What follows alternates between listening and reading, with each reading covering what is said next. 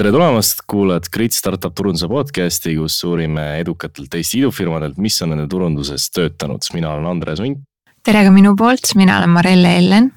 ja tänane külaline on keegi, keda ma tegelikult olen tahtnud nii pikalt äh, saatesse kutsuda, sest ta oli enne Outfunnelis ja tal on ülilahe enda bränd, ettevõte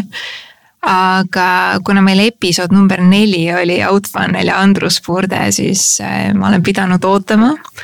Äh, nüüd on ta Woola turundusjuht ja mul on hea meel sind stuudios tervitada, Katariin Liibert. aitäh, et kutsusite. Katariin, tee meile alustuseks kiire intro, et mis on Woola, mis te teete ja kellele? Woola kasutab siis äh, jääkvilla, et asendada mullikile pakendeid ja mis see nagu taustalugu seal on, et äh, kes veel ei tea, siis Euroopas jääb iga aasta üle umbes kakssada tuhat äh, tonni villa, mis on siis äh, tekstiilitööstuse jaoks liiga kare, liiga selline nii-öelda low quality ja see kakssada tuhat tonni on nagu nii hoomamatu number, et kuidas me seda ümber oleme üritanud arvutada, oli see, et näiteks me saaks katta viis tuhat kuussada kaks jalkastaadionit nelja meetri kõrguse villakihiga et ma ei tea, kas aitas, aga visualiseerida, mis, mis kogus see on. mingi pilt tekkis. või siis, mis sellega saab ka teha, on katta maailma mullikile vajadust sada kakskümmend protsenti ettevõte siis algas äh, kolm aastat tagasi, kui selle asutajad Woola äh, lõid ja äh, nende kogemus varem oli ka e-kaup, e-kaubandusest ehk siis nagu e-kaup e, e-poe pidamisest ja seal neil oli kokkupuude sellega, kui palju probleeme on pakendi, noh, eelkõige plastikpakendiga, et kui palju seda tekib, kui palju seda lihtsalt ühekordselt kasutatakse ja minema visatakse ja, ja noh, maailmas on tegelikult päris palju huvitavaid pakendi või noh, jätkusuutliku pakendi tootjaid siis, kes otsivad alternatiive plastikule, aga mullikilele väga palju erinevaid äh, selliseid häid alternatiive veel ei ole ja sellest siis tekkis ka Woola. eks sihuke võib öelda, et ta on ikkagi keskkonna ikka väga tugevalt nagu keskkonna startup. ja, ja ta on kindlasti, sustainability on nagu Woola selline vundament, et, et väga tugevalt selles valdkonnas sees aga kui sa, kui sa läksid, siis Woola oli, oli, oli juba tegu-, mis, mis seisus see Woola oli, mis pilt sulle vastu vaatas? enne mind on siis äh, turunduse osa kandnud Woolas äh, eelkõige Paula Ilves, äh, varasema nimega siis Paula Pärnaste ja, ja ka tegevjuht Anna-Liisa on üsna tugevalt nagu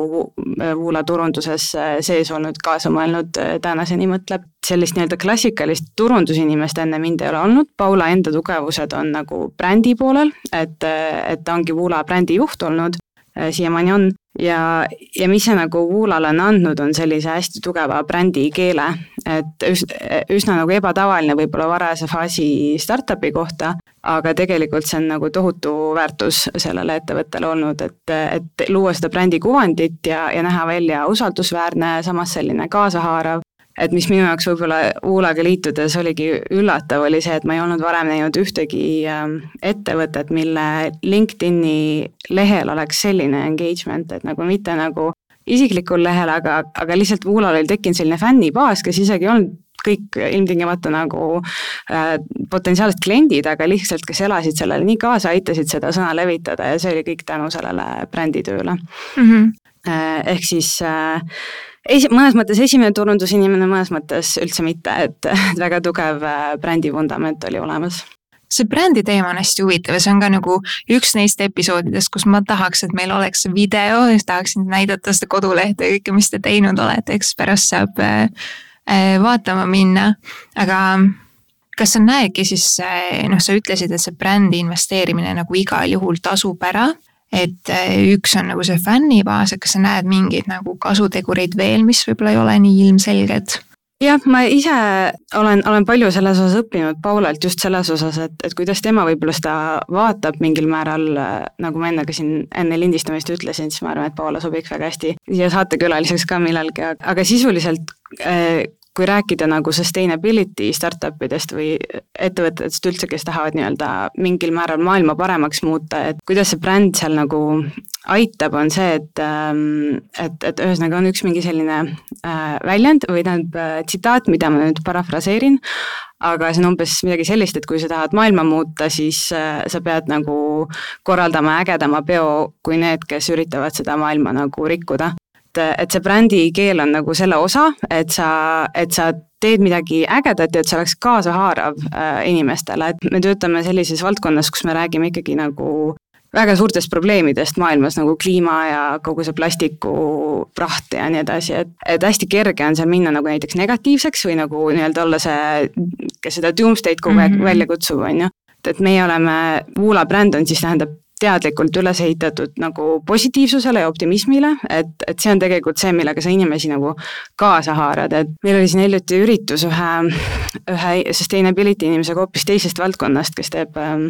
sustainable couture ehk siis nagu high fashion on ju, ja ta toodab neid disaine ainult kangejääkidest ja ta on umbes maailma esimene eetiline couture brändi looja. tema nagu ütles minu arust seda väga hästi, et, et we have to make sustainability sexy. Et nagu kui sa teed selle nagu lahedaks, siis inimesed tulevad sellega nagu nii kergesti kaasa ja see on nagu see, millega sa päriselt mingit muutust maailmas äh, ellu viid. ja kõige selle osana on nagu see bränd lihtsalt ülioluline element, millega inimeste südameid võita mm. -hmm jah, see kõlab sihuke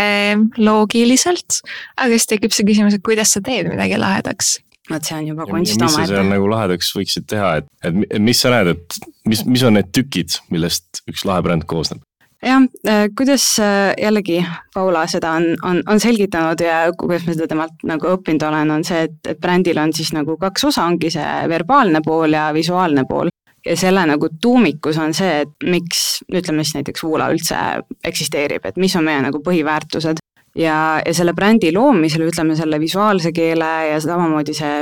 tone of voice ja kogu see messaging selle ümber, selle nagu vundamendiks on, on seesama asi, mis on see ettevõte kes, kes see ettevõte nagu vara, varases faasis on, on tavaliselt ikkagi peamiselt founder'id. et ma, et ma näen ka, et, et see Woola bränd ei ole sündinud nii-öelda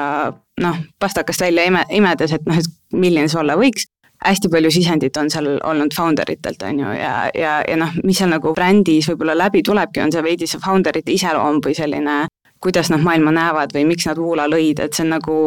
see tuleb kõik nagu seal välja selles brändi keeles niimoodi, et sa isegi ei, ei noh, peale vaadates võib-olla ei saa aru, aga me ise lihtsalt teame. ja noh, minu arust hea näide sellest on, kui ähm, kui rääkida employer branding ust, et siis, kui kaks tuhat kakskümmend üks lõpus me viimase rahastusraundi tõstsime, see oli siis enne minu aega Woolas, äh, siis äh, oli selge, et on vaja inimesi palkama hakata ja eelkõige siis müügi- ja turundustiimi ja Woola ühesõnaga see Jobs leht ehk siis Woola.io kaldkriips Jobs on siis minu arust nagu väga hea näide sellest äh, sellisest, kuidas see bränd nagu praktiliselt nagu, mis, mis selle nagu väljund on. Et kui seda lehte vaadata, siis see on sündinud nii-öelda Paula ja siis Woola founder ja tegevjuhi äh, Anna-Liisa koostööna. Ja sealt tuleb nagu see brändi iseloom ja tiimikultuur äh, nagu ülihästi välja sellisena, et sa saad päriselt aru, kuidas selles ettevõttes töötamine oleks, et noh, et seal on reaalselt, ma ei tea, sealt lehelt leiab, ma ei tea, majoneesipurgi ja The Office'i miime ja noh, nii-öelda, et sealt tuleb see kõik välja, et, et see on nagu üks selline pool sellest. Mm. -hmm hästi sarnased mõtted, kui me rääkisime Meriliga Klausist, et founder itest ikkagi tuleb see see ilmselt ei ole päris kokkusattumus, et Paula ja Merili on omavahel väga head sõbrannad, nii et kuidas, mis sa võib-olla näed, et, et mis on võib-olla see, kus, kus brändi luues võib nagu kehvasti minna nagu startup'i puhul? mis on, mis on mingid kitsaskohad, mille, mille nagu tuleb, tuleb nagu valmis olla või, või, või mingid nagu nõrgad või keerulisemad kohad? Äh, ma arvan, et kõige keerulisem on, on, kui seda brändi luuakse kellegagi nii-öelda väljastpoolt, ehk siis tihti mingisuguse välise agentuuri, agentuuriga, et, et nad saaksid noh, ma ei, ma ei taha nüüd agentuuride pihta kehvasti öelda, ma arvan, et väga paljud teevad, teevad väga head tööd ja oskavad seda brändiloome protsessi nagu juhtida,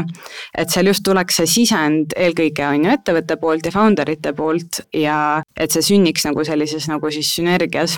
et ma arvan, et võib-olla paljud vähem kogenud turundajad või ettevõtte juhid ootavad, et see bränd tuleks nii-öelda väljaspoolt, et noh, umbes looge äge bränd, on ju, aga teadmata seda võib-olla, kuhu te nagu turul positsioneerite, mis see on, mis te teete nii, nii süvitsi, et, et nagu ägedat brändi luua, siis äh, ta sünnib sellise mingi sünergia tulemusena, et, et seda kindlasti meeles pidada, et, et, et, et ei oleks nagu, nagu iga teine bränd, vaid nagu jääks ka silma ja torkaks nagu selles valdkonnas välja, et noh, jällegi Woola puhul see võib-olla ei ole väga keeruline, et see pakendimaailm üldiselt on üsna selline old school ja ei ole väga palju mingeid põnevaid brände, et, et noh, muidugi glo-, globaalses vaates on nagu tekkimas neid, aga ütleme, selliseid pakenditootjaid, kes oleks väga palju investeerinud brändi, noh, üldse selles B2B maailmas võib-olla ei tunta veel nii hästi, mis selle nagu brändi potentsiaal on. Et jällegi just see eristumise pool, et me Woola brändis oleme ka, et teeme asju, mis ei ole võib-olla nii väga obvious või nagu üritame teha mingi vimkaga, et, et, et rohkem nagu silma jääda ja eristuda ülejäänud siis brändidest, et jah. ja võib-olla selliseid, veidi selliseid asju, mis ei ole nii väga obvious, et üks mu lemmiknäide on, kui me erinevate meediaagentuuridega oleme suhelnud, siis need, nendes proposal ites, mis mulle tihti kokku pannakse, on ikka mingid lambapildid sees, on ju, aga meie näiteks väga teadlikult ei seosta Woolat nagu lammaste visuaaliga, meie nagu tooraine on see vill, on ju, aga, aga, aga seal on nagu, see oleks nagu liiga obvious kasutada mingeid lamba illustratsioone, on ju, et, et jah. Äh. see on päris hea asi, mis sa välja tood jah, et, et kuidas võib-olla seda brändi huvitavamaks teha, et mõtle, mis on võib-olla mingid obvious asjad ja lihtsalt väldi neid, ära ole see. ja no enam-vähem selles mõttes, et me oleme teinud, äh, üks minu väga huvitav projekt on olnud algusest peale see, et ma lõin ühe esimese asjana siis Woolas Slacki kanali, mille nimi on You've Got Mail, ehk siis inimesed, töötajad ma nagu olen neile, neid üles kutsunud, kui nad saavad mingi paki, paki kuskilt e-poest tellitud, on ju, et nad jagaksid seda pakendit ja seda unboxing kogemust seal kanalis, sest noh, see on meie valdkond ja niimoodi me nii-öelda crowdsource ime ülevaate sellest turust, on ju. ja no ütleme nii, et kõik pakendid, no ikka, ma ei tea, üheksakümmend üheksa protsenti nendest pakenditest, mis on nii-öelda jätkusuutlikud pakendid või, või sellised ähm, selle, selle valdkonna loodud, on siis kas pruun kartong või siis, kui on värvi, siis on tavaliselt roheline ja, ja noh, mingid need lehekujukesed, leheillustratsioonid, et, et kõik need sellised võib-olla, mis ma ütlekski ettevaatuseks kõikidele jätkusuutlikkuse startup idele, et et kui tahate nagu eristuda selles valdkonnas, siis võib-olla rohelist värvi ei ole mõistlik kasutada ja kasutada neid lehe emojisid, on ju, et see on lihtsalt nii, nii ülekasutatud juba selles valdkonnas, et siis sa oled nagu iga teine mm. -hmm. aga seal, ehm, sa mainisid seda Slack channel'i asja, kuidas kuidas veel tiimi sees hoida seda nii, et inimesed siiralt usuksid sellesse brändi? oi, see on hea küsimus. kuidas te seda teete, on, on teil mingid meetodid selleks, mida sa oled tähele pannud või see ongi kuidagi alateadlikult kõik toimub või? ma arvan, et, et siin on nagu mitu külge, et kõige, kõige suurem osa sellest vundamendist on ikkagi, et need inimesed, keda sa palkad, on ju, et selles osas äh, meil on äh, founding tiim väga head tööd teinud, et, et see inimeste palkamise protsessis ikkagi kindlaks teha, et et osa sellest motivatsioonist tööd teha peab olema see nii-öelda maailma paremaks muutmine, mis võib-olla kõlab natuke nagu naiivselt, aga aga see, et sa usud sellesse missiooni ja et, et sa päriselt tahad seda oma tööga siis äh, plastikut vähendada. ja noh, lisaks meil on äh, iga reede selline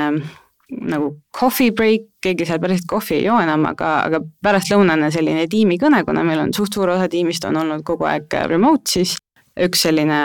veidi vabamas vormis kõne, kus lihtsalt inimestega juttu rääkida ja lisaks seal on siis selle osa on sustainability news, ehk siis meil on selline väike ülevaade nädala jooksul toimunud suurematest uudistest, mis on kuidagi kas lihtsalt põnevad või siis nagu puudutavad ka seda plastiku ja, ja seda probleemi, mille kallal me töötame.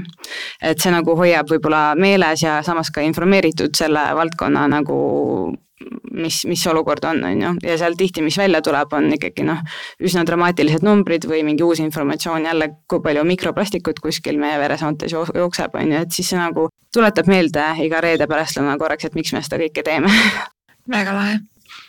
ma tulen tagasi sinna algusaegade juurde, mis oli veel, mis sa tegid? kui mina Voolaga liitusin, siis minuga samal ajal liitusid müügimehed, et äh, olles siis äh, jätkusuutliku pakendiettevõte, kelle tootmine on Eestis, me täna ikkagi müüme ainult Euroopasse, et oleks nagu mõistlik seda transportida ka, seda kaupa, mis me toodame. Ja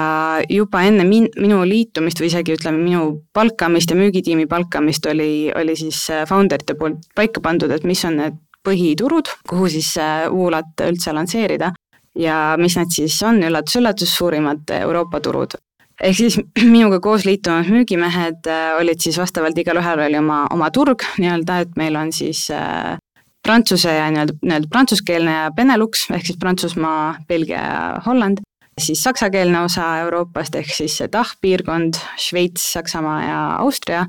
kolmas on Skandinaavia äh, ehk siis Põhjamaad ja siis neljandana on olnud Suurbritannia ja Iirimaa ja kuna me kõik liitusime nagu ühel ajal, siis oli muidugi kohe see, et plaanid paika, mis on eesmärgid, äh, startup'il omaliselt ikkagi väga ambitsioonikad eesmärgid seatud ja siis küsimus on, et kuidas me siis nende poole äh, liikuma hakkame. ja kuigi nagu ootus oli see, et hakkame kohe noh, ikkagi midagi tegema äh, proaktiivselt ja, ja turundama ja müüma, siis üks asi, mis mina nagu kohe alguses äh, otsustasin, et ma teen, on see, et esimese kuu ma pühendan nagu kliendikõnedele, et et mul olin ammu juba või ütleme nii, et mõnda aega enne Voolaga liitumist äh, jälgima hakanud sellist äh, Kanada turundajat nagu Caitlin Bourgoin. tema nii-öelda thing on siis äh, customer research või siis see, et kuidas öelda, et ähm, ta ise nimetab seda why we buy ehk siis, et nagu keskenduda või nagu üliselgeks saada seda, et miks su kliendid su toodet ostavad. et millal see tema teooria raamistikud siis põhinevad, on see, et juba ammu on mingisugune näiteks, mis see tsitaat oli seal, et ühelt äh, management consultant'ilt, kelle nimi oli Peter Drucker, et inimesed harva ostavad seda, mida firmad neile müüvad. ettevõtted müüvad mingeid tooteid mingil, mingil põhjusel, aga tihti need põhjused seal taga, miks need kliendid neid ostavad, on, on võib-olla pisut teised, kui ettevõte ise ette kujutab see on siis nagu väga sarnane võib-olla selle äh, nii-öelda jobs to be done raamistikuga, mis ma arvan, et äh, startup turundajate seas võib-olla ei ole päris uus, aga võib-olla seda turunduses natukene liiga vähe kasutatakse ära. et ma üritasin siis nende kliendikõnede intervjuude kaudu saada täpsemaks selle, et mis, mis on see nii-öelda töö, mida see Woola pakend nende klientide jaoks ära teeb. sest noh, kui ma liitusin, siis Woolal juba oli käivet äh, ja kliente peamiselt küll Eestis, Äh, aga ütleme nii, et ma ei alustanud selles mõttes täiesti nullist, et oli, oli kliente, kellega rääkida sellest, kuidas nad Woola, miks nad Woolat otsustasid osta, äh, kus nad üldse Woola leidsid või, või Woolast kuulsid esimest korda. Ja et aru saada, mis see, mis see töö on siis, mis Woola ära teeb. Ja ma võtsin eesmärgiks teha kümme sellist kliendikõne hästi nagu süstematiseeritult ja struktureeritult, et, et nagu saada neid vastuseid, siis noh, muidugi mul olid, meil kõigil tiimis olid mingid hüpoteesid ja ideed, et miks, miks siis nagu ostetakse Woola pakendit, noh tundub ju väga obvious, et sellega asendad mullikile, aga mis sealt nagu mustrina välja joondus, joonistus, oli see, et, et enamus neid e-poode ostsid või noh, ütleme nii, et mingi kolmes-neljas kõnes nendest kümnest tuli välja see, et klient konkreetselt ütles mulle, et et me ostame seda selleks, et näidata ennast välja näidata välja, et me oleme jätkusuutlikud. ehk siis nagu ühelt poolt see kõlab nagu peaaegu et nagu greenwashing, et mitte, et te ei osta seda selleks, et olla jätkusuutlikum, vaid nagu, et välja näidata, et te hoolite jätkusuutlikkusest. aga noh, tegelikult nagu üks ei välista teist, et tihti see jätkusuutlikkus on ikkagi selle meie kliendi brändi oluline osa, aga viise seda kommunikeerida on nagu vähe. et see sustainability on nagu selline asi, millest on lihtne rääkida oma veebilehel või kus iganes iluste suurte sõnadega, aga näidata seda päriselt nagu in action ei ole nii lihtne ja samas pakend on selleks nagu üks vahend. et see on, et see on konkreetselt tegelikult peaaegu et turundustööriist nendel ettevõtetel, sest seal on peal mingisugune brändi sõnum, see logo äh, näitab siis seda jätkusuutlikkust kui ühte brändi väärtust välja et äh,. päris oli..., päris lahe jah, et teie toode on nagu nende brändi väärtuse nagu tükk, mis, mis on nagu väga huvitav, nagu kuidagi väga teistsugune asi, mille peale ei oleks tulnud tõesti. Jah, ja, ja see on selline asi, mis on, ütleme siis müügi ja turunduse nii-öelda tööriistakastis väga, väga hea selline trumbikaart, et kui rääkida klientidega, kellele Woola võiks sobida pakendiks, et siis noh, arusaadavalt see jätkusuutlik pakend ei ole nii soodne kui, kui plastik, et mis on see lisandväärtus, mis sa tood ja seal on tihti see, et õigustataksegi või võetaksegi võib-olla natuke nagu turunduseelarvest juurde, noh kuigi see on pakend, mis on justkui nagu seal supply chain'i poole peal või noh, ütleme selline väga praktiline osa lihtsalt äh, e-poodide äh, eelarvest, siis, äh, siis õigustatakse seda suuremat kulu tihti just nagu sellega, et ta on turunduse osa mm. -hmm kas need kliendi intervjuud aitasid sul kuidagi nišši ka nagu paremini paika saada või oli see pigem sõnumitöö? Ehm, jah, sealt selle kliendi kõnede nagu eesmärk oli suuresti siis ähm, paremini aru saada sellest äh, nii-öelda job, job'ist, äh, tööst, mida siis Uula Pakken nende ettevõtete jaoks teeb. aga samas ka aru saada seda, et mis on need kanalid, mis tegelikult on juba töötavad Woola jaoks et kust kaudu üldse või ütle, ütleme siis nii, et kaardistada üldse see ostuteekond, et kust, kust see klient nagu hakkab üldse tegelema, mis hetkel ta nagu mõtleb selle peale, et oh, mul oleks nüüd vaja uut pakendit, äh, mis oleks jätkusuutlikum või kas ta üldse mõtleb selle peale. ja, ja juhul, kui ta selle peale mõtleb, kust kanalitest ta läheb otsima seda pakendit, on ju, või, või, või kas ta soov, küsib soovitusi teistelt e-poodidelt või noh, ütleme, et kogu selle nii-öelda ostuteekonna kaardistamine oli oli teine väljund, et, et see, see aitas nagu ka siis kanaleid valida. Äh, jah, ühesõnaga selle ostuteekonna kaardistamine, aga siis lisaks, lisaks veel boonusena see, et kasu, et sa saad nagu copy't, on ju, et noh, mis sõnu kliendid päriselt ise kasutavad, et kirjeldada seda tööd, mis, mis Woola neile ära teeb, et see on nagu üks selline kliendikõnede boonus veel, et saad laenata klientidelt äh, sõnu, mis turunduses kasutada. aga ütleme nii, et äh, kui, kui rääkida ja noh, ütleme, need ettevõtted, neil oli midagi sarnast, et noh, kui ma Uulaga liitusin äh,, siis oli selge see, et see pakend on disainitud e-poodidele äh,, mis on juba nagu üsna hästi defineeritud nagu turusegment või siht äh,, mille mille poole turunduses töötada. Aga muus osas nagu ei tundunud, et nendel ettevõtetel on väga palju midagi ühist, et noh, me otsisime seal neid kliente vaadates, et mis neil nagu ühist on, et nagu suuruse osas olid üsna varieeruvad, ka nagu võib-olla brändi väärtuste osas ilmti-, ilmtingimata ei olnud neil kodulehel eraldi mingit sustainability lehte või sustainability kui brändi väärtus. aga mis siis nagu võib-olla hiljem töö käigus nagu selgeks sai ja, ja ka müügi, müügitiimiga koos töötades on, on see, et äh,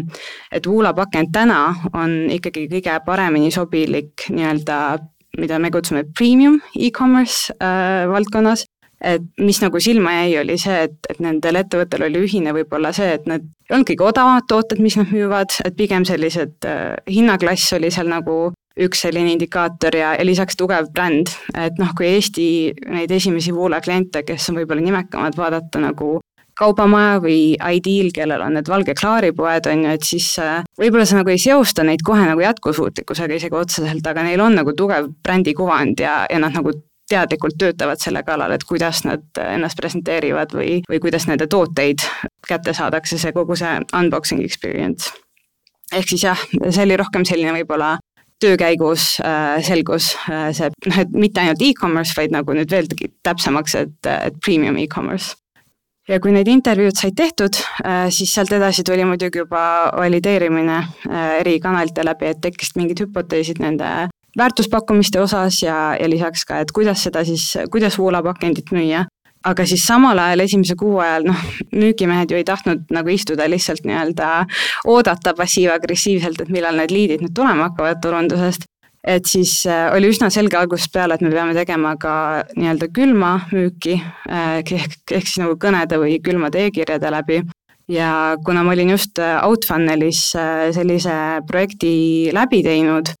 koos ühe konsultandiga, siis mul oli üsna värskelt olemas see kogemus, kuidas, kuidas seda nii-öelda cold outreach'i äh, süstemaatiliselt teha. ja kuna mul juhtus olema siis Woola tiimis nagu kõige, ma olin see inimene, kellel oli selles, selle tegemises kõige rohkem kogemusi, siis ma võtsin selle nagu enda juhtida mingil määral, et see raamistik nagu müügimeestele luua, et mis, mis tööriistu me kasutame, mitu emaili, mis tihedusega, mis seal emailides kirjas on ja nii edasi, et noh, ma muidugi ei, ei dikteerinud, seal oli ikkagi mingit mänguruumi igal müügimehel otsustada ise, sest et äh, kõik turud on ka mingil määral erinevad, äh, aga, aga lõin selle esialgse plaani siis selles osas.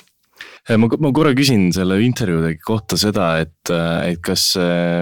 et kui sa nüüd tegid selle protsessi niimoodi läbi niimoodi väga-väga süvenenult ja, ja, ja, ja, ja kindlasti läksid rohkem sisse, kui tavaliselt minnakse, et, et sa võtsid ikkagi väga konkreetselt ette selle. et mis su siuksed õppetunnid on, et kui sa nüüd järgmine kord uuesti teeksid, mis sa teeksid teistmoodi?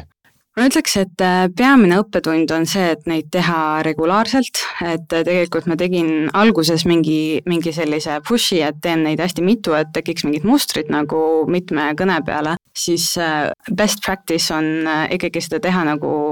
peaaegu iga kuu üks ideaalis, et päris nii tihti muidugi ei jõua alati, aga noh, see on nagu B2B mm, ettevõtetel äh, selles mõttes selline, turundajatel lihtsalt võimalus, et äh, kuna muidu ju need müügivestlus või noh, ütleme kliendiga suhtlust, vahetut suhtlust on kõige rohkem ikkagi müügitiimil, turundaja on see, kus kuskil background'is mingeid asju teeb, et siis lihtsalt ise proaktiivselt nagu ennast sinna kliendi suhtlusesse nagu kaasata.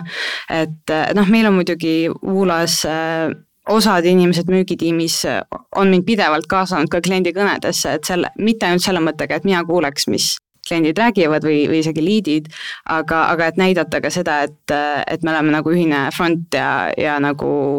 ütleme, et me hoolime sellest turunduse poolest väga, et me tihti pakume seal ka nagu tuge või aitame klientidel nagu aru saada ja kasutada seda Woolat, Woola pakendit nagu kõige paremini ära, et ma olen seal ka sellise semikonsultandi rollis olnud äh, lihtsalt äh, toeks ettevõtetele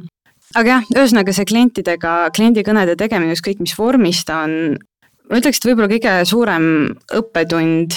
mida, mis on nagu ülioluline selliste kõnede juures, on see, et küsida hästi lahtise otsaga küsimusi, et siis mitte suunavaid küsimusi, vaid noh, ütleme, kui mina nendesse kõnedesse lähen, siis ma ütlen neile kohe, et ma ei, ma ei ürita teile midagi müüa, ma tahan lihtsalt teie ostuteekonnast paremini aru saada, et mõned küsimused võivad tunduda nagu väga sellised, ma ei tea, lihtsamoelised või, või nagu väga obvious, noh, et miks sa vuulapakendit ostsid või, või miks te otsustasite seda osta aga, aga seal tegelikult nagu minna hästi süvitsi ja vahel nagu drillida nagu sama küsimust eri nurkade alt, et jõuda nagu nende päris põhjusteni või, või selle äh, väärtuspakkumiseni et see on nagu kunst omaette, äh, jällegi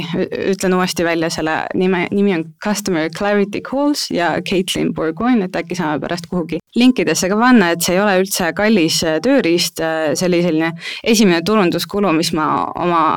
siis kui ma Uulas alustasin, tegin, see oli, ma ei tea, mingi kakssada, kolmsada dollarit, midagi sellist.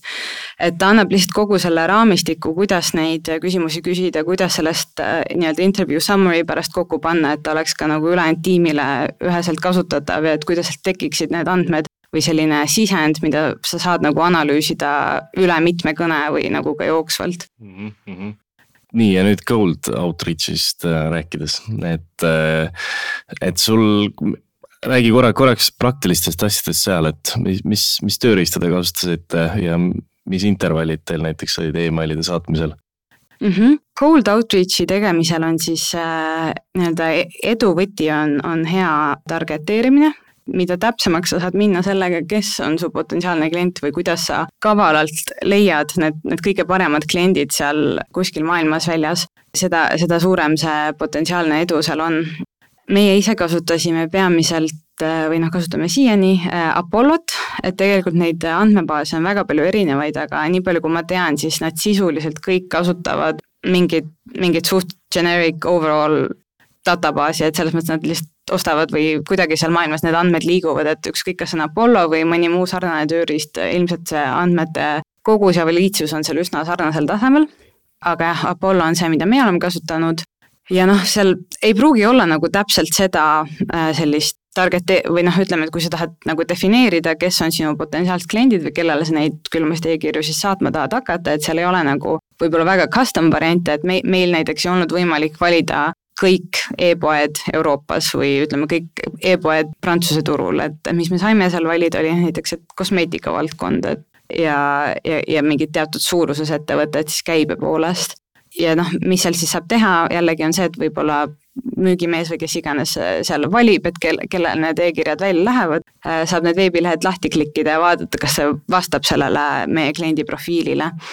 et noh, meie puhul näiteks siis, kas neil on e-pood seal kodulehel, et, et see oli nagu peamine selline indikaator et võib-olla, mis ma enne ka ei öelnud, oli see, et noh, Woola pakend on siis äh, pehmendav, ehk siis meie potentsiaalsed kliendid on ikkagi ainult need e-poed, kes müüvad õrnasid väikseid asju, kuna meie põhitoode on ümbrik, ehk siis ta peab maht-, mahtuma ümbriku sisse ja peab olema siis kaitstud teekonnal. et näiteks rõivad ei ole vuulapakendile sobilik äh, toode. et, et jällegi, meil oli üsna täpselt see paigas ja, ja saime siis hakata looma neid liste, et kellele need külmad e-kirjad välja lähevad ja selle e-kirjade siis loogika, et kui mitu saata, mis seal nagu need pealkirjad, sisu, kas seal on pildid kaasas, muud sellised asjad. eks me seal tegime ka katsetusi, aga, aga jah, mul oli nagu Outfunneli kogemuse pealt mingid, mingid mõtted olemas et noh, näiteks pildi lisamine e-kirjale võib, võib nagu halvasti mõjuda sellele deliverability'le, et, et, et noh, hakkavad emailid rohkem bounce ima näiteks. aga teistpidi äh, üks nagu hüpoteese, mis meil turunduses algusest peale Woolas on olnud, on see, et, äh, et Woola pakendit on kõige lihtsam müüa, kui sa saad selle potentsiaalse kliendil nagu kätte anda, et ta noh, reaalselt näeb seda pakendit, et see on nagu kõige parem. ja sellest nagu second best on siis, on siis pilt, et ta näeb, milline see toode välja on. Ja siis nagu third best on ainult sõnadega, et noh, kui ma saadan mingisuguse külma e-kirja, mille sisu on noh, mingid villapakendid, siis on võib-olla kliendil väga raske seda ette kujutada, mis see nüüd endast kujutab, ilma, noh, ta peab siis lingile klikkima või midagi sellist. Äh, et meie ikkagi alguses katsetasime peamiselt äh, koos piltidega ja nägime, et see toimis kõige paremini tulemuste toomiseks ja nüüd selle e-kirjade tiheduse osas, seal ma ütleksin, me panime selle lõpuks paika vist müügitiimiga koos, et peamine mõte oli, et mitte tihemini kui ütleme nelja tööpäeva tagant, ehk siis umbes keskmiselt nii-öelda üks kiri nädalas ennast meelde tuletada ja, ja see oli lihtsalt, lihtsalt niisugune tunnetuslik, et ei taha olla nagu liiga push'i äh, ja samas nagu tuleb ikkagi meeles püsida, et mitmest kirjast see sequence koosnes? Äh, meie omad olid isegi üsna tagasihoidlikud kolme kirjaga, et ma tean, et äh, paljudes noh, ütleme nii-öelda, kui lugeda neid nii-öelda best practice eid selle cold outreach'i puhul, eriti mingi USA keskselt, siis ikkagi nagu viis on miinimum, aga meile endale tundus, et noh, et jällegi tulime tagasi selle peale, et noh, et kas Woola bränd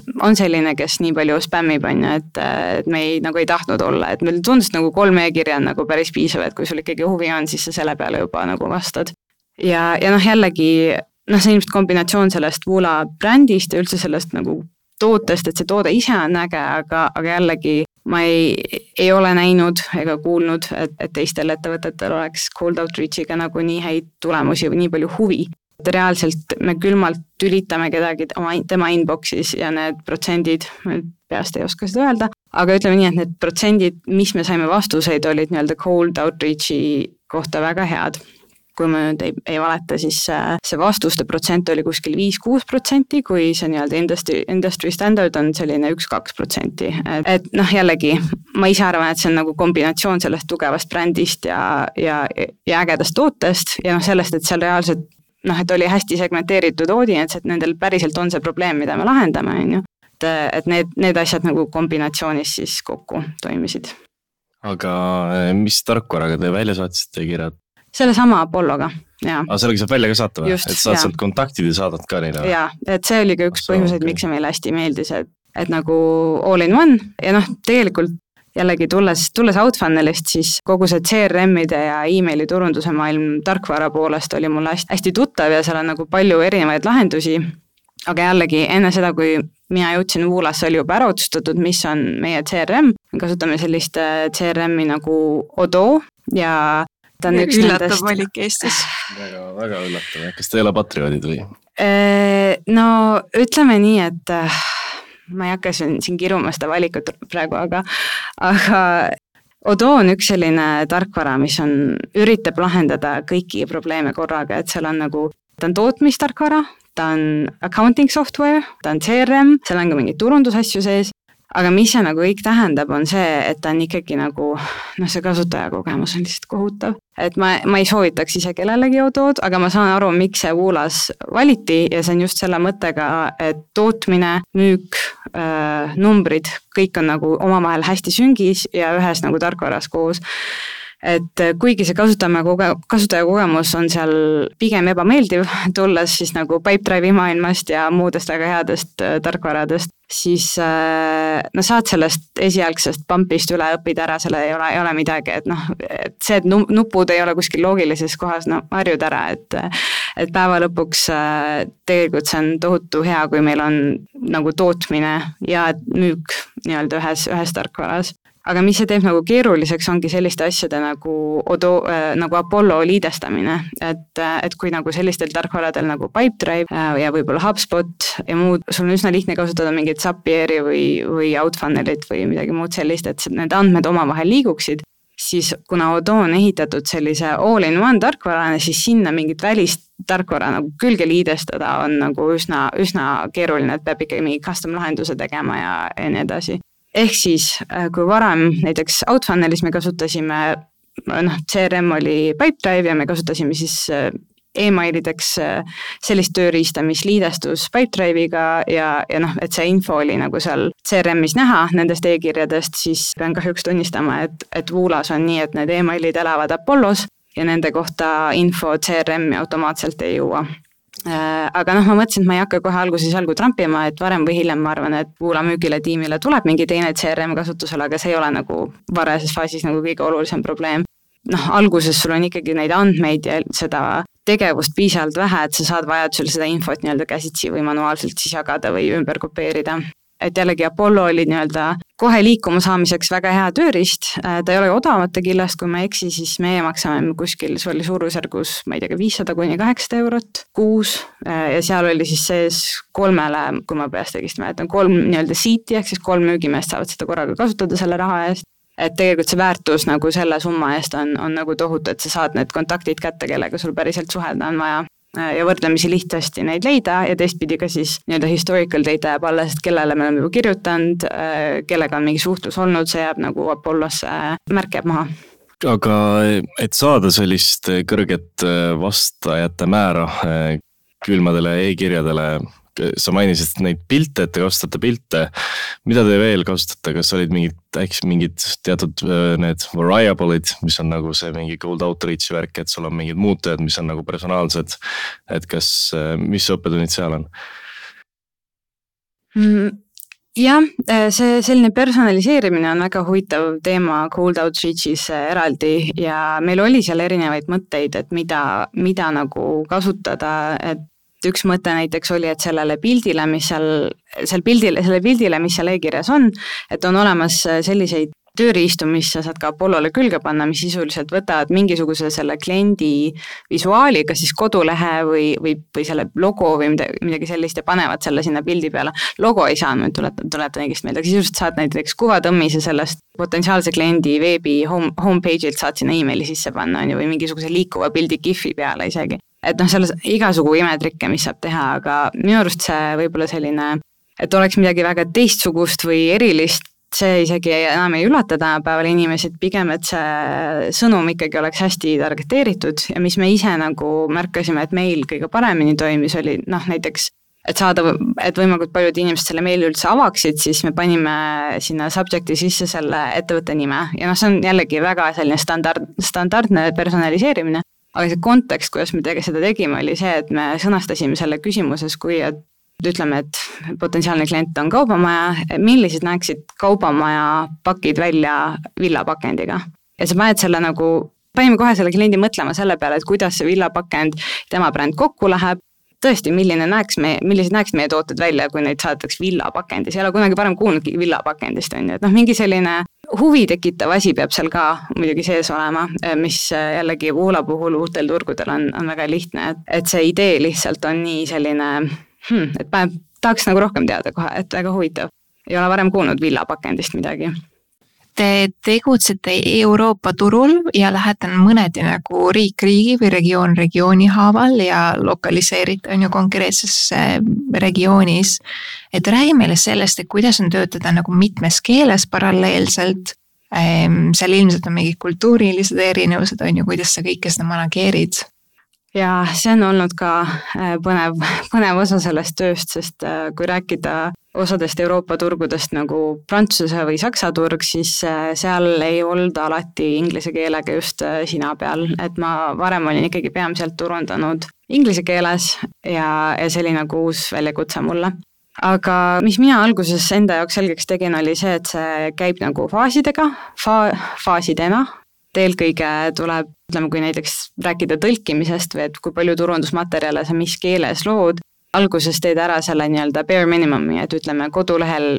pea, peamised neli-viis lehte oleks tõlgitud ka sellesse kohalikku keelde, et, et seal ei oleks seda friction'it, kui see inimene, kes ei oska inglise keelt sinu, sinu kodulehele tuleb. ja, ja noh, ajas jõuad siis seda laiendada ja pikendada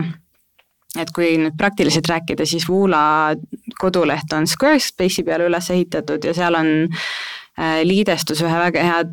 tõlkimise, manageerimise tööriistaga, mille nimi on Weglot, ehk siis äh, need töötavad nagu omavahel kokku väga hästi äh, ja teevad sellise nii-öelda translation management'i väga lihtsaks. Et ei kao järg ära, mis sul tõlkimata on või, või, või kus on siis nii-öelda automaattõlge peale läinud ja mis on väga huvitav, on ka see, et noh, muidugi see automaattõlge läheb ikkagi järjest paremaks, et tegelikult paljudel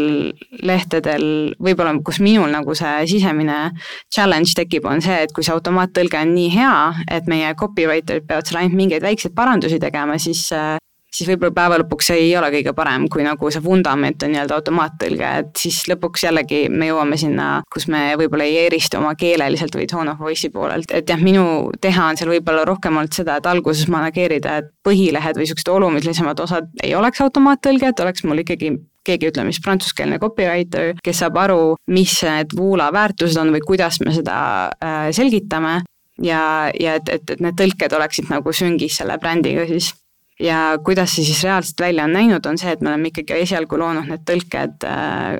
Google Docsis, äh, niimoodi selle mõttega just, et copywriter'il oleks nii-öelda tühi leht, mitte see automaattõlge esimese asjana ees. ja hiljem siis kopeerinud need üle sinna Wegloti tööriista. ja li-, lisafilter siis seal peal, kuna need copywriter'id ei ole Woola tiimi liikmed ja neil ikkagi see kokkupuude Woola brändiga ei ole olnud võib-olla nii põhjalik, siis jällegi ma olen müügiga siin kõvasti vaeva näinud, töötanud koos äh, just selle mõtte alt, et mõttega, et, et müük vaatab ise need tekstid ka üle nagu, sest nemad saavad sellest Woola brändist ja sellest, kuidas oma keeles või oma turul seda brändi nagu presenteerida, nemad on selle, selles nagu eksperdid. ehk siis ma olen palunud, õnneks nad ka saanud nende aega, et nad vaataksid üle ja teeksid vajadusel nagu tagasisidet, sest mina ei räägi prantsuse keelt, ma olen seda kunagi õppinud. Saksa keelt ma ei räägi üldse, ei ole kunagi õppinud, et minu, mina ei saa nagu hinnata, kas see tõlge on hästi tehtud või halvasti tehtud, et see on ikkagi see, selle turu ekspert, kes seda oskab mulle öelda ehk siis ta on selline pidev tsükkel, äh, kus mina nagu manageerin seda, aga tegelikult töö käib nagu copywriteri ja selle müügiinimese vahel kõige rohkem mm. -hmm aga sisu on üldjoontes sama eri riikides, eri regioonides turundamisel või on seal ka mingid erinevad nüansid, mida te kuskil rõhutate? Mm, ma ütleks, et sisu on peamiselt sama, et jällegi see Squarespace'i ja Wegloti koostööna ta ongi needsamad lehed lihtsalt kuvatakse teist teksti samades kohtades, samas noh, nagu sama palju ruumi on seal, et selles osas jah, me ei ole täpsemaks läinud, et kultuurilised erinevused kindlasti turgudel on, aga pigem ma olen seda nii-öelda Bolti playbook'i jälginud, et, et, et sama sisu, aga copy-paste eri keeltes, on ju mis nagu võib-olla B2B valdkonnas tulebki rohkem välja, on see, et, et selle müügi ja turunduse strateegia üldiselt äh, peab olema rohkem kohandatud kohalikule turule. ja, ja see on see, kus need kultuurilised erinevused kõige rohkem nagu rolli mängivad. et üks näide sellest on siis äh, Prantsuse turg, äh, mida mina nii väga hästi varem ei tundnud, aga oleme aru saanud, et seal noh, eelkõige võib-olla selliste mainekamate ettevõttega koostööd, ettevõtetega koostööd tehes või üldse neile müües äh, on selgeks saanud, et äh, selline veidi old school suhtumine või see, et umbes mis staatus sul on või et umbes, et kes on sind heaks kiitnud või sinu brändile nii-öelda heakskiidu andnud, et sellised asjad nagu mängivad rolli, hierarhia ja kõik see, mis meile võib-olla Eestis tundub nii võõras ja kauge ja ebavajalik, et, et noh, ikkagi ettevõtetes, ma ei tea, paljudega, kellega me oleme kohtunud, kõik nad on samades koolides käinud, kes on mingitel kõrgematel pulkadel või noh, sellist veidi sellist jah, sisepoliitikat või, või ütleme sellist jällegi mõnes mõttes ostupsühholoogiat ka, et, et mis asjad mõjutavad seda ostuprotsessi ja näiteks oligi see, et kui me tegime siis äh, Prantsuse turul esimese füüsilise ürituse jaanuaris äh, kaks tuhat kakskümmend kolm, nii-öelda lansseerisime sellele turule siis äh, me tegime seda jälle saatkonnas ja noh, muidu võib-olla saatkonna atmosfäär ei ole selline kõige startup ilikum, innovaatilisem, ei mõtle kohe, et, et oo oh jess, tehnoloogia. Aga Prantsuse turul jällegi see, et sul on, üritus on saatkonnas, on niisugune, aa, okei okay suursaadik on kohal ja nagu avab ürituse, okei okay,, et äh, järelikult ikka see ettevõte on nagu midagi huvitavat, on ju, et noh, sellised väiksed asjad, mille peale sa nagu varem või noh, mille peale mina varem ei oleks mõelnud, et, et need kõik nagu mõjutavad seda, kuidas meie siis uue tulijana turul ennast positsioneerime. Ja teine näide Prantsuse turul, mis on nagu meile hästi töötanud, on need auhinnad, et noh, tegelikult see on juba eraldi teema, millest võib-olla räägime üldse kanalite valikus nagu, et Woolale on sellised erinevad auhinnad toonud sellist ähm, noh, tähele, meedia tähelepanu ja üldist laiemat tähelepanu, et see on üks selline strateegiliselt osa meie turundusstrateegiast olnud. ja siis äh, sügisel näiteks äh, osalesime ühes, ühe kohaliku prantsuse mõttes, prantsuse turu sellise mingi meediagigandi tarneahela, neil on nagu korra aastas niisugune tarneahela öö või õhtu selline gala äh, ja selle osana siis antakse välja erinevad äh, tarneahela äh, auhinnad ja meie osalesime siis seal selles sustainability kategoorias ja noh, seal jõudsime finalistide sekka, väga tore vist oli kolm finalisti ja noh, meie konkurendid olid seal umbes, ma ei tea, Renault Grupp on ju, kes on mingi tohutu suur oma mingi projektiga ja niisugused Prantsuse oma brändid ja siis mõtlesime, et nojah, et me ilmselt seda ei võida, et noh, tuleme mingi väike startup kuskilt Eestist ja noh, et ei tea, mis nad meist arvavad. aga, aga nad andsid meile see, selle auhinna ja, ja nagu, mis me hiljem oleme näinud, et et selline validatsioon nagu mingilt kohalikult meediamajalt või, või selline üldse seal žüriis olid noh, ma ei tea, Dior äh,, kõik need suuremad mingid brändid olid esindatud, et nemad nagu, see žürii valis Woola võitjaks, on ju. et see on selline jällegi selline tunnustus, mis on nagu Prantsuse turul äh, kasuks tulnud hmm.. aga kas see, kui rääkida siis uue turu lansseerimisest, et mis, mis siis võiks olla selline ideaalne metoodika? või kas teil on välja kujunenud mingid sellised kindlad sammud, mis te teete? Äh, tänaseks on, aga ütleme kõige alguses ähm, mina jälgisin peamiselt siis seda mis on siis Bullseye framework, mis on sellest Tractioni raamatust pärit, et noh, ütleme, see lihtsalt aitab süstematiseerida, et kuidas nagu erinevaid kanaleid testida. Ja kuna meil oligi see, et noh, mind kui turundusinimest oli tiimis üks ja turgusid ja müügimehi oli nagu mitu, siis äh, me tegime nagu sellise katsetused eri turgudel mingil määral eri kanalites. Ütleme, et esimesed sammud, kuidas, mis võiks toimida, proovisime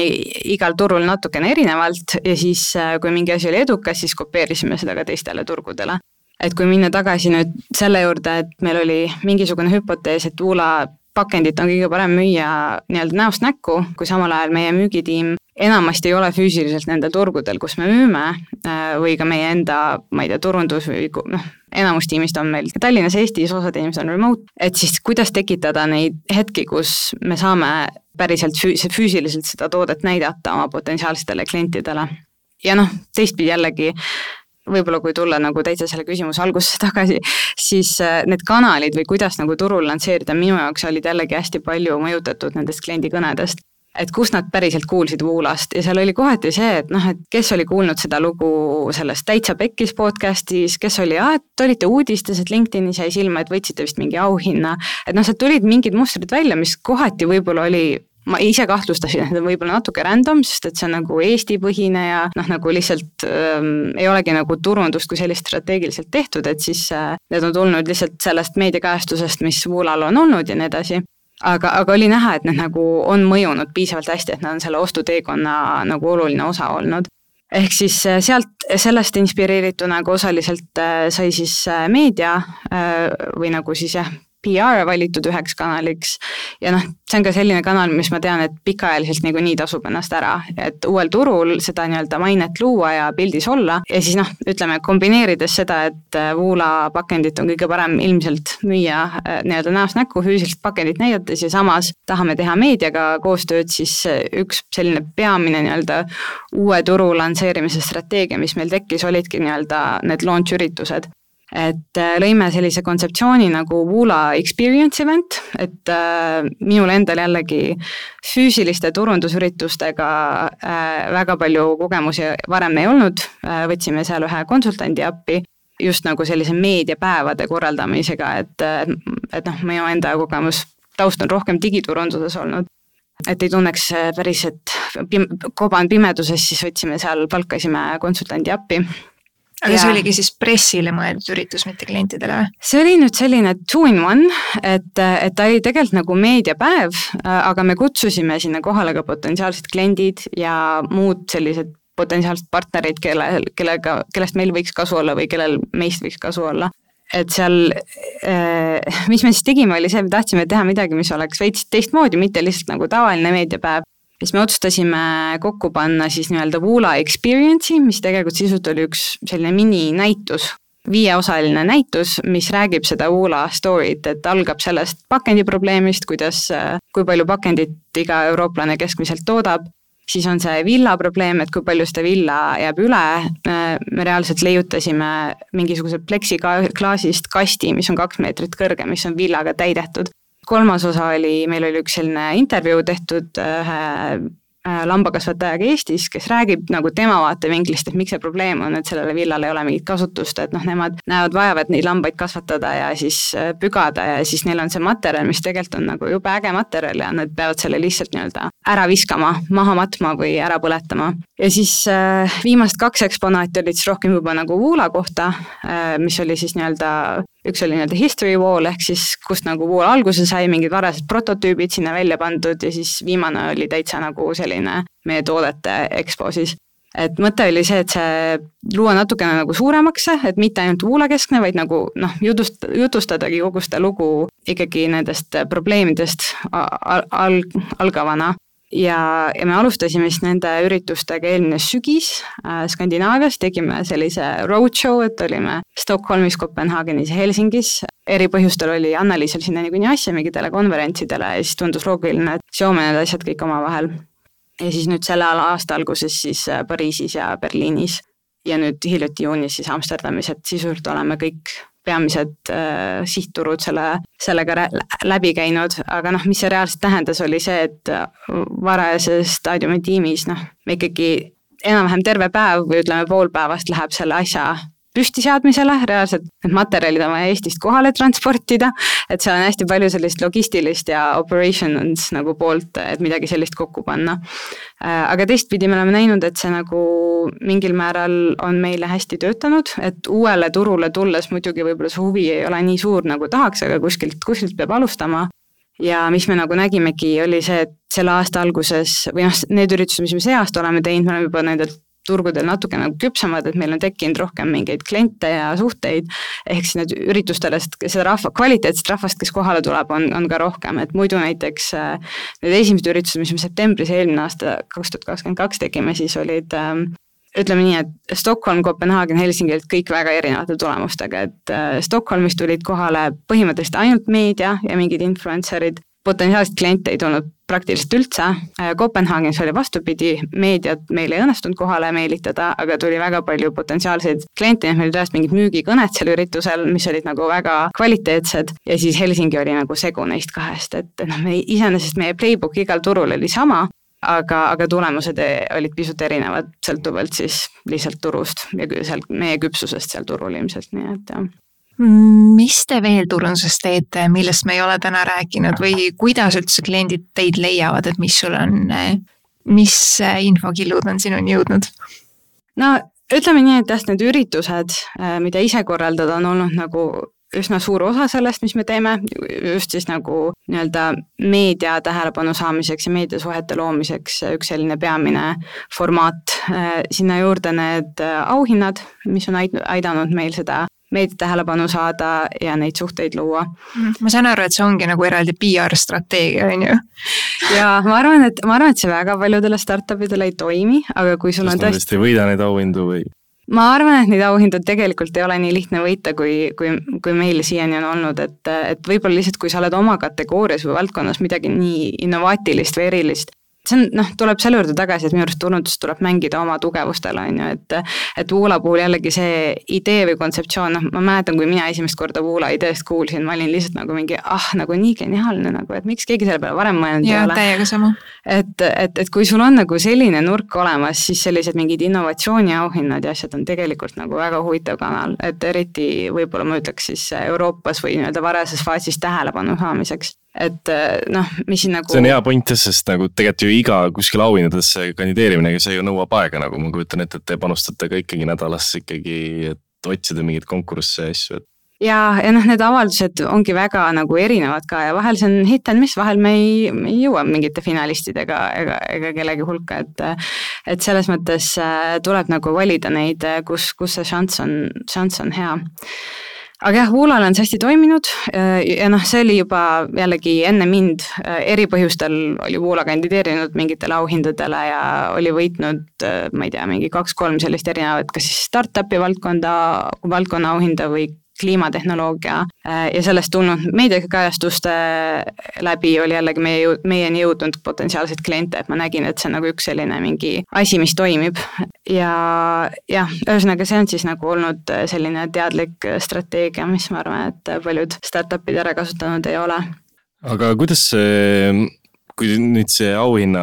või seal mingi võistlusel osalemine ja, ja, ja pärast võitmine, aga kuidas sealt võtta nagu pigistada see maksimaalne PR kajastus välja ja, ja kasu turunduslikult endale?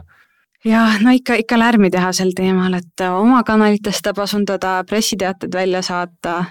me ise oleme nagu noh, põhifookus on olnud nendel suurematel Euroopa turgudel, aga, aga ma olen nagu natukene hoidnud ka koduturgu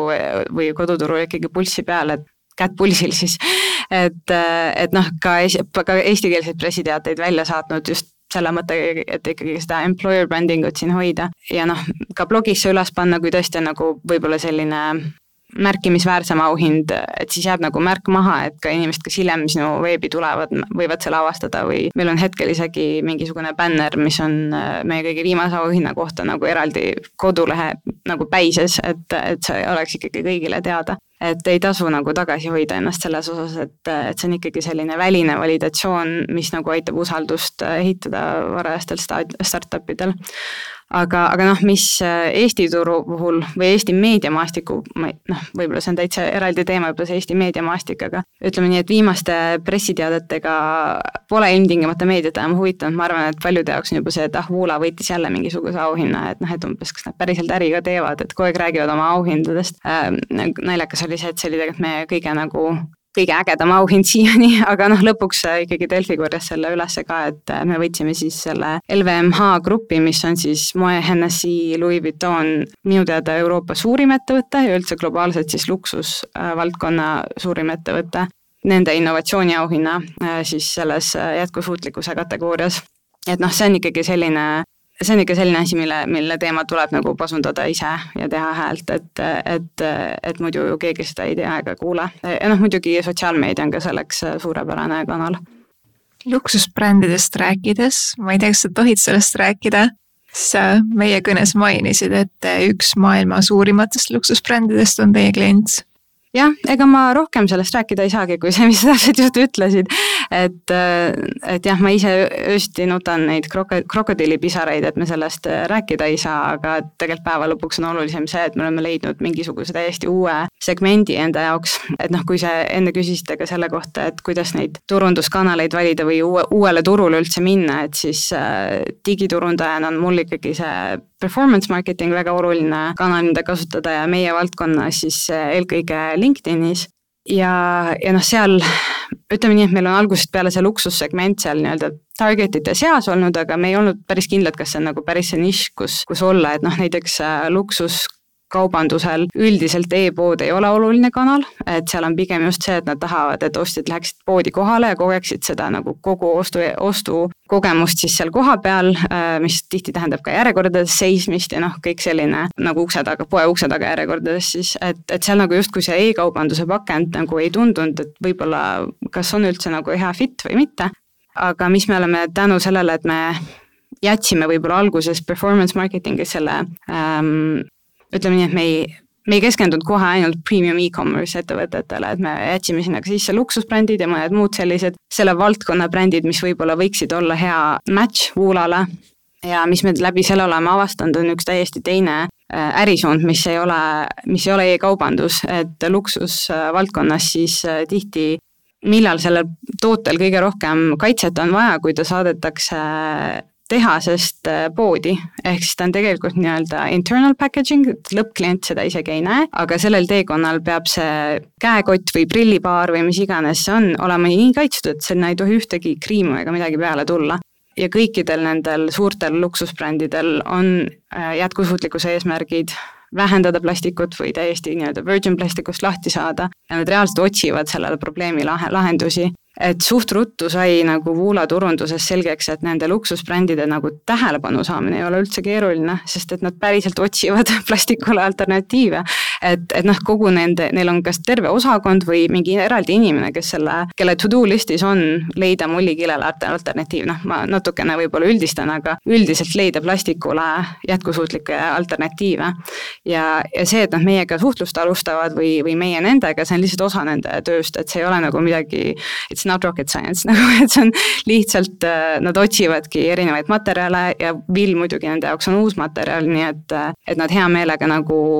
suhtlevad meiega, et noh, põhimõtteliselt ükskõik mis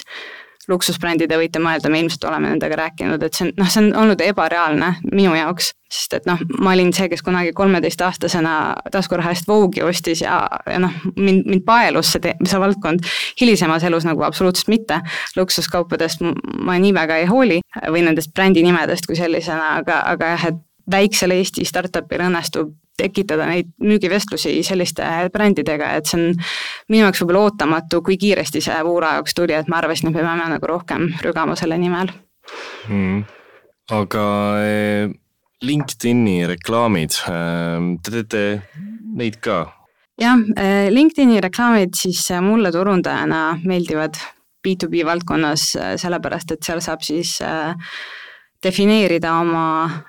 publik ettevõtte nimede järgi, et jällegi, kuna meil on üsna selgelt paigas olnud või me ise vähemalt teame, kes on meie potentsiaalsed kliendid ja kes on nii-öelda ideaalsed kliendid selles maailmas, äh, siis äh, jällegi tänu Apollole võt-, panna kokku need listid või suuresti nagu müügitiim on selle kallale vaeva näinud, et panna kokku need listid, et kellele neid email'e saata ma kasutan siis neid samu liste reklaamide jaoks, et noh, eelkõige siis nii-öelda company listid, mitte töötajate nimeliselt, äh, aga, aga mis siis LinkedInis sees juba teen, ühesõnaga laen üles need ettevõtete listid, tekitan nendest audience'id ja siis äh, LinkedIni reklaamitööriista sees defineerin täpsemalt, et mis rollides need inimesed on, kes, kellele siis meie reklaame näidata et noh, jällegi see on pakendimaailmas äh, tulnud mulle võib-olla üllatusena, et see inimene, kes pakendi eest, eest vastutab või kellel on nagu otsustusõigust ettevõtte pakendi üle, on noh, see ring on tegelikult üsna lai, et see ei ole nagu alati üks spetsiifiline inimene, see sõltub ka nagu ettevõtte suurusest ja paljudest eri asjadest aga ühesõnaga nende kompa-, ettevõtete listide ja siis äh, rolli täpsustuste kaudu saab üsna täpsed sellised äh, audience'id siis luua ja neile Woola reklaame näidata. ja noh, ma olen piisavalt selline gene-, generalist turunduses, et ma ei ole mingi ekspert performance marketingis, aga ma oskan piisavalt hästi need reklaamid kokku panna, et, et testida seda vähemalt, kas see nagu töötab, saada sealt mingid esialgsed tulemused, mis äh, näitaksid, et noh, et kas me liigume õiges suunas ja, ja noh, jällegi ma ei ole teinud seal midagi superkeerulist, ma olen peamiselt kasutanud reklaamidena meediakajastusi, mis Woolal on olnud, ükskõik, kas see on Estonian Worldi artikkel või, või, või Forbes või midagi muud, toimivad sama hästi. et see on selline nagu väline jällegi validatsioon ja usalduse tekitamine, mis nende nagu selline downside on olnud, on see, et ikkagi, kui ma suunan selle reklaami mingisugusele meediakajastusele, siis see traffic ei tule sealt, on ju, otse Woola veebi. Äh, aga, aga päeva lõpuks, kuidas mina meie turunduses edu mõõdan, on peamiselt äh, need veebivormid, mis me, peamiselt üks veebivorm, mis meil veebis on, mis on siis äh, Woola näidiste tellimise vorm et me oleme teinud hästi, hästi lihtsaks selle, ütleme nii, et see ongi täiesti tasuta e-poodidele, et meilt näidiseid tellida, see on selline lihtsalt veebivorm, mille nad peavad ära täitma. Ja, ja meie jaoks on see tegelikult siis ka nii-öelda see koht, kus tekib see äh, lead. ja, ja selles vormis me küsime noh, erinevaid küsimusi, see ei ole mingi super lühike vorm, et seda liiga lihtne täita oleks äh,, aga noh, küsime seal ka näiteks, et või noh, see oli siis esimene asi, üks esimesi asju, mis ma Woolasse liitudes nii-öelda analüütika poolest paika panin, et ma lisasin sinna küsimuse, et kust sa meist kuulsid ja kuulasin hiljuti seda Taaviga episoodi Messente turundusest ja selle analüütika poole, see oli nagu täpselt see, millesse mina ka usun, võib-olla mitte nii radikaalselt, ma ikkagi kasutan mingil määral muud analüütikat ka, aga peamine mõõdukoht on ikkagi see open-ended küsimus, kust sa meid kuulsid ja see on kohustuslik. Ühe korra on keegi liit selle, seda vormi täites kirjutanud siin umbes midagi sellist, et mingi, et, et noh, et kas tõesti see küsimus peab olema kohustuslik siin vormis, on ju. Ja siis ma mõtlesin, et no peab küll et, et selles suhtes, et sealt ma ikkagi näen tegelikult, mis turunduskanalid kõige paremini töötavad, et, et mitte ainult, et, et sealt tuleb liide nendest kanalitest, vaid mis kvaliteediga need liidid on. kui suurtest ettevõtetest nad on, mis brände nad esindavad. ja, ja noh, seal, kui keegi paneb kirja, et LinkedIn, siis noh, suure tõenäosusega juhul, kui meil ei ole olnud just hiljuti mingit sisu, mis rohkem viraalseks läheks või laiemalt leviks, siis suure tõenäosusega oli tegelikult LinkedIni reklaam. Äh, või siis nad mainivad seda meediaväljaannet, on ju, et noh näiteks Estonian Worldi artikkel äh, oli tegelikult laivis juba ammu varem ja me kasutasime seda siis mingi kolm-neli kuud hiljem LinkedIni reklaami sellise ühe target'ina ja siis, kui liit tuli ja ütles, et ta kuulis meist Estonian Worldist, siis noh, ilmselt ta jõudis sinna tegelikult ikkagi läbi LinkedIni reklaami, et noh, kuidas muidu mingisugune pakendispetsialist kuskil Milanos jõuab Estonian Worldi artiklini, et ilmselt, ilmselt mitte väga lihtsasti, et et siis sealt tekivad sellised äh, validatsioonipunktid ka LinkedIni reklaamidele mm. -hmm ma vaatan, et teil on, kui teil on jah see, et inimene peab äh, seal vormis, peab märkima seda, et, äh, et millal oleks hea aeg helistada, et väga palju kasutatakse Calendly linke, kas te teadlikult jätsite selle välja? jah äh,, selle kalendri teemal, ma ei tea, kas te mäletate, oli tegelikult mingi aasta või paar tagasi kerge furoor, et umbes, et kas see on selline mingi power move, et sa saadad oma Calendly lingi, et umbes, et, et noh, et sa leia endale aeg minu, minu kalendrist, on ju et äh, noh, seal on eraldi psühholoogilise, psühholoogia küsimused sel teemal. aga miks meie tegelikult jätsime selle lahtiseks, et kas teeme, plaanime nagu videokõne või, või helistame lihtsalt mobiilile, on see, et paljud need inimesed, kes neid äh, kes neid pakendinäidiseid küsivad, on tegelikult väga pisid inimesed ja nad tihti eelistavad kiiret viieminutilist telefonikõne, mis nad saavad teha autos, ma ei tea, õues kõndides, mis iganes, selle asemel, et on mingi plokk su kalendris, mis on, ma ei tea, viisteist minutit või mis iganes, siis nagu ära, ära blokeeritud täiesti. Suht paljud eelistavad seda, aga jällegi sõltub äh, turust. Ja tegelikult see kõne osa, et üldse nagu planeerida kõne enne, kui me saadame näidiseid välja, see on selline hiljem lisatud, äh, et meil lihtsalt äh, mingi hetk tekkis see, et kuna me olime hästi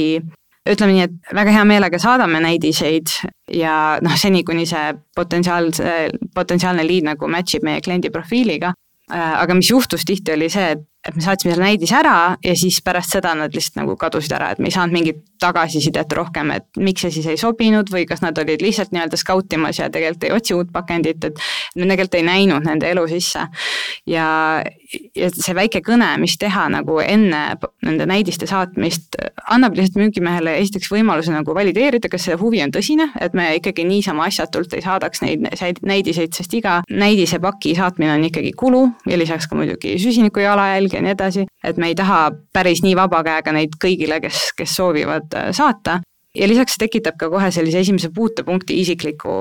äh,, isiklikus mõttes, et sa selle kõne jooksul mingi suhte ikkagi selle inimesega suudad luua ja ta tõenäolisemalt hiljem vastab ka siis su emailidele, et isegi kui see vastus on negatiivne, siis ta äkki vähemalt leiab selle aja, et öelda, miks praegu ei ole voolapakend neile nagu sobilik, et, et see tagasiside saamine seal on võib-olla isegi olulisem kui see, et, et olla kindel, et või noh, mõlemad on võrdselt olulised. et olla kindel, et me saadame õigetele inimestele või, või tõsiselt huvitatud inimestele neid näidiseid see on nii huvitav, noh nagu sa mainisid ka on ju, et eelmine episood oli Taavi ja Messente, mis on ka B2B, et mõneti nagu mingid asjad kattuvad, aga mõneti on nii erinev, et nagu nii lahe. jah, tarkvara versus füüsilise mm -hmm. toote müümine mm. -hmm. ma küsin sinult küsimuse, mida sa ilmselt ootad palun anna meile üks turundusalase raamatu, blogi või podcast'i soovitus. jah, ma, ma arvan, et ma pean selleks äh, ütlema see uuesti selle nime Caitlin Burgoyne, kes on siis üks äh, Kanada turundaja äh, ja tema perekonnanime on natuke keeruline inglise keeles hääldada, aga, aga. kuidas sa spellid seda? B O U R G O I N, kui ma nüüd ei eksi ma selle... panen selle saate notes idesse ka. Äh, et tema tegelikult, ta toodab sisu nagu üsna mitmel platvormil, tal podcast'i kui sellist pole, aga ta on LinkedInis ja Twitteris hästi aktiivne ja lisaks tal on oma uudiskiri ja see on siis see uudiskiri, mille nimi on Why we buy. Ehk siis äh, tema nagu see lubadus või see, mis ta teeb, on see, et sa saad õppida ostupsühholoogiat kolme minutiga nädalas tal on iga kord selline mingi hästi praktiline nõuanne, et kuidas ostupsühholoogiat turunduses ära kasutada. Äh, aga jah, tal on ka palju selliseid ähm, muid äh, tööriistu või selliseid framework'e, mille, mille, mida ta propageerib ja millest ta räägib, et ta ongi võib-olla selle nii-öelda jobs to be done ja kliendi customer research ja kõik, kõik selle poolele, et, et kuidas sellest kõigest hästi aru saada ja siis seda turunduses ära kasutada, et tema on jah, mu absoluutne lemmik turundushääl, mida kuulata viimastel aastatel. no väga hea, aga aitäh sulle, Katariin, et sa tulid ja rääkisid meile, kuidas asjad käivad ja aitäh sulle, kes sa kuulasid ja ma loodan, et said kasulikke mõtteid. kui see episood sulle meeldis, siis ole hea, jaga seda oma Instagrami story's või LinkedInis ja kui sa kuulad meid Spotify's, Google'i või Apple podcast'is, siis vajuta kindlasti subscribe nuppu, et sa kuuleksid esimesena, kuhu startup turundus liigub. Kuuleme järgmises osas, kus siin on järgmine huvitav startup turundaja, olge tublid ja edukat turundamist